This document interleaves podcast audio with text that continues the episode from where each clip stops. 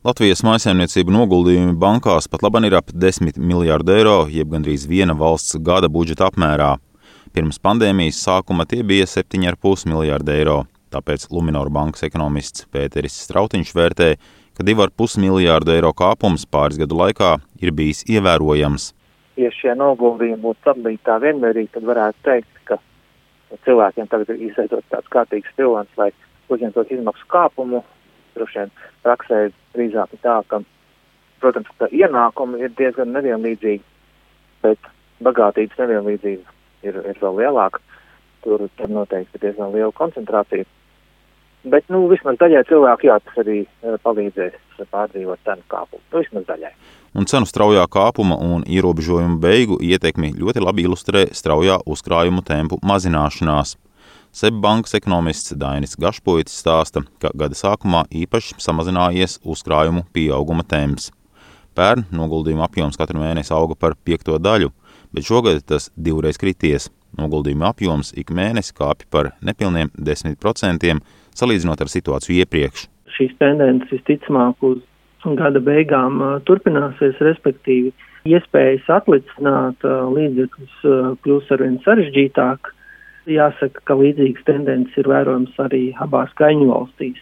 Un uh, noteikti, ka viens no šiem te pamatnosacījumiem būs pieaugošās cenas, jeb inflācija, kādēļ iedzīvotājiem iespējas uh, atlicināt naudiņu uzkrāšanai, nu, teiksim, samazināsies. Tomēr nav tā, ka cilvēki steigtos izņemt uzkrājumus. Tā nav vērojama nekāda lieka ažiotāža. Protams, sākoties karam Ukrainā bija vērojami tādi pastiprināti, teiksim, tādi varbūt interesi par to, bet mēs redzam, ka tas viss ir nostabilizējies un praktiski nekādu izmaiņu vai stresa pazīmi nav novērojams, jā, tikai tas, ka, protams, ka šī inflācija liek par sevi just, un noteikti, ka uz gada beigām tas varētu būt vēl, vēl izteiktāk, kad iedzīvotāji vienkārši savus uzkrājumus izmanto dažādu maksājumu veikšanai. Un augošais maksājuma sloks varētu būt viens no galvenajiem iemesliem, kādēļ šogad daudz pārtrauc apdrošināšanas līgumus ar uzkrāšanas funkciju.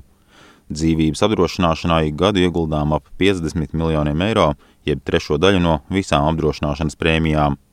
Apdrošinātāja asociācijas prezidents Jānis Abāšins uzskata, ka kontu tukšošanā būtisks iemesls varētu būt arī karš Ukrainā.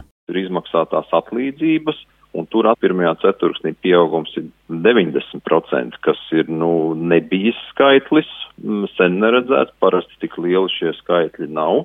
Tas ir pieaugums pret pagājušā gada pirmo ceturksni, un mēs domājam, ka tas pieaugums ir saistīts ar divām lietām. Viena lieta ir tā, ka, protams, beidzās viena daļa no šiem uzkrājošajiem apdrošināšanas līgumiem, Bet otra daļa pilnīgi noteikti ir tas, ka ir cilvēki, kuri šos savus uzkrājumus, ja tā var izteikties, pavelk ārā nebaltai dienai, vai ir sabijušies no kara apstākļiem kaimiņos, attiecīgi šos uzkrājumus ir kaut ko pavilkuši ārā. Un tie visi nav mirēji? Pilnīgi noteikti, ka tie visi nav mirēji. Mirēji varētu būt kādi, trešā daļa varētu būt vienkārši tie, kur baidoties no, no kara apstākļiem, iespējams kaut kā pavilkuši savus uzkrājumus mazliet ārā, pavilkuši sev tuvāk, nezinu, zemes bankā ielikuši vai kur, bet katrā ziņā paņēmuši pie sevis.